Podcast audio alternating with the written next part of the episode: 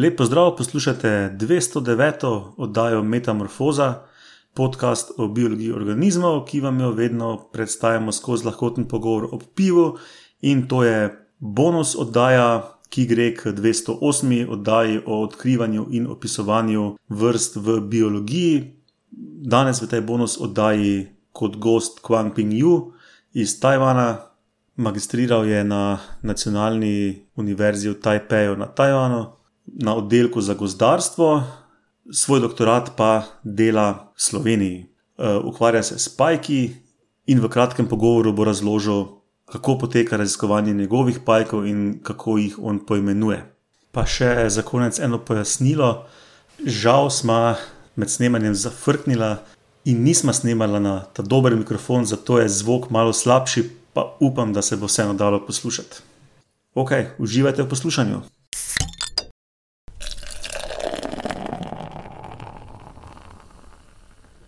Okay, KP, thank you for taking the time to be here today. We're gonna, in short, talk about the animals that you discover and name, and these are spiders. Yeah. But because I know you, I know that you have not always been researching spiders. So can you maybe take a minute or two to explain your background and how you came to like spiders? Oh, so the story. Thank you for inviting first and um, uh, the stories has to trace back to when I was an undergraduate. I was doing some uh, like a faunistic research, um, studying about how urbanization, how landscape changing, um, will influence the spider diversity. And, yeah, at the time I was I was a student major in forestry. At the time I collected my first Dolomedes spider, which is the spider taxa I'm currently working on the first time. And I identify as what everyone says, like Dolomedes saganus. But then the, after a couple of years of this taxonomic research and identifying spiders, I realized no, these are wrong. And it's completely wrong for more than uh, more than 60 years. Like everyone says it's Dolomedes saganus, but it's not. They look so similar and pretty difficult to be distinguished using, let's say, the traditional um, diagnostic methods. So then I said, okay, maybe I can do a review or a more broad taxonomic research in this group of spiders. They look beautiful and they have so many questions that need to be solved. And then I slowly fall into these deep hole of taxonomic research and eventually this somehow I somehow here yeah so to summarize you were a forestry student but because you were in general interested about nature you also kind of started being interested in these specific spiders yeah. To summarize be, very shortly. Yeah, it can be concluded like that. okay, so then then explain what are these Dolomedes spiders that you mentioned? Why are they so special to you? Aha, uh-huh. so there's actually not a very particular reason. The major thing is just that they they they look very beautiful to me. The Dolomedes they are also called fishing spider, mainly, been this name mainly being used in the U.S. and in Europe they are more commonly called as raft spiders. So from these two names you know that they are spiders that lives next to water, and they can sometimes hunt fish or others small vertebrate like tadpoles, frogs, and um, uh, sometimes newts. Yeah, so this makes them a bit special. Like, of course, there are many other spiders that lives in uh, this aquatic environment, but um, uh, these water spiders are special to me. So people by now already know that we know each other because of spiders, but I, I work with web spiders. So I walk in the forest and I, you know, I see a web and there's a spider in the web and it's pretty simple. So how does uh, fieldwork sampling look for you since these are water spiders? So for sampling aquatic spiders, of course, you self needs to be aquatic. So for my fieldwork, I usually wear very these boots, um, these kind of uh, waterproof either rain boots or even a bigger one for fishing, like the rubber part goes all the way up to your chest. Uh-huh. Yeah, so that you can walk into the river, into the ponds, into into the muds, whatever kind of uh, water bodies you're looking for. And the other special part is that is that um, this this group of spiders are more and more and more active at night. They are highly nocturnal.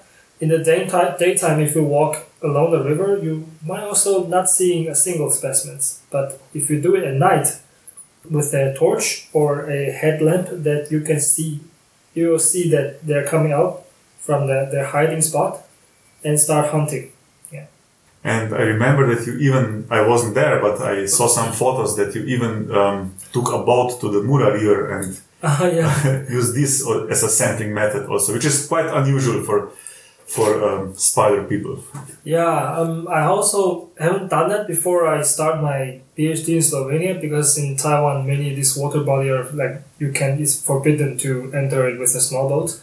But yes, because some of the spiders they prefer this large standing water body like ponds and um, very deep oxbows, and you cannot access to the spider without a like a floating platform because it's more the water is way deeper than your your height so a boat is sometimes relevant Okay, can you now explain to the listeners who are not biologists um, how then species discovery looks like? You go to the field somewhere, you collect a bunch of spiders, you come back to the lab, and you, I assume, put them under the microscope. So then, how do you work towards um, realizing what species they are, or maybe that they are even an undescribed species? How does this work?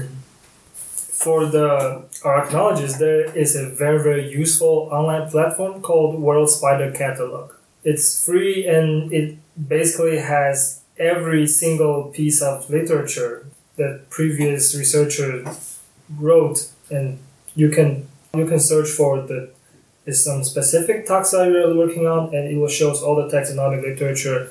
You can download them and check if the original descriptions fits the specimens you're currently looking on.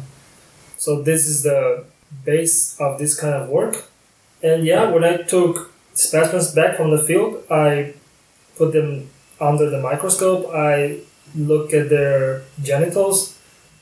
In female it's epigynum and in male it's pulp. And i will try to fit the figure compare the compare the image on the microscope and the original descriptions or illustrations in the literature and see if they are identical. If they are then i may classify them as the same. If not then it's likely a new species. Yeah, so maybe maybe a side note for um, for the listeners who are not so familiar. So how it works in arthropods, so insects, arachnids, it's it's many times the genitals that have structures that biologists identify as being of a certain shape or size or things are absent or present and then you can kind of identify a species, right? So these are the illustrations many times present in um, taxonomic literature that you mentioned yeah yeah, yeah. according to some like body characters, somatic characters Mhm, as we call them, so that the listeners can imagine that we what we are looking through Yeah. when when we are going through literature. Okay, so let's say that you now found some new species, and I know that you have described species before. So how do you approach um, naming new species, and what does this mean to you? Like, how do you look at naming new species, naming new and how do you choose names of species? how do I name new species? So basically, the the author of the new species, the describer of the new species, can has has the right for decide which name he or she wants to or it want to give to the organism he he found he find. And uh, to me, I have um, it either goes with um, uh, it can be the locality, like the distribution range of the species, or the locality where the species was found. Another one is the old way, like describe the character of the of species. For example, if it has a very round head, maybe we can dis- use that and see how it's um, written or translated into Latin, and then use it as a species epithets.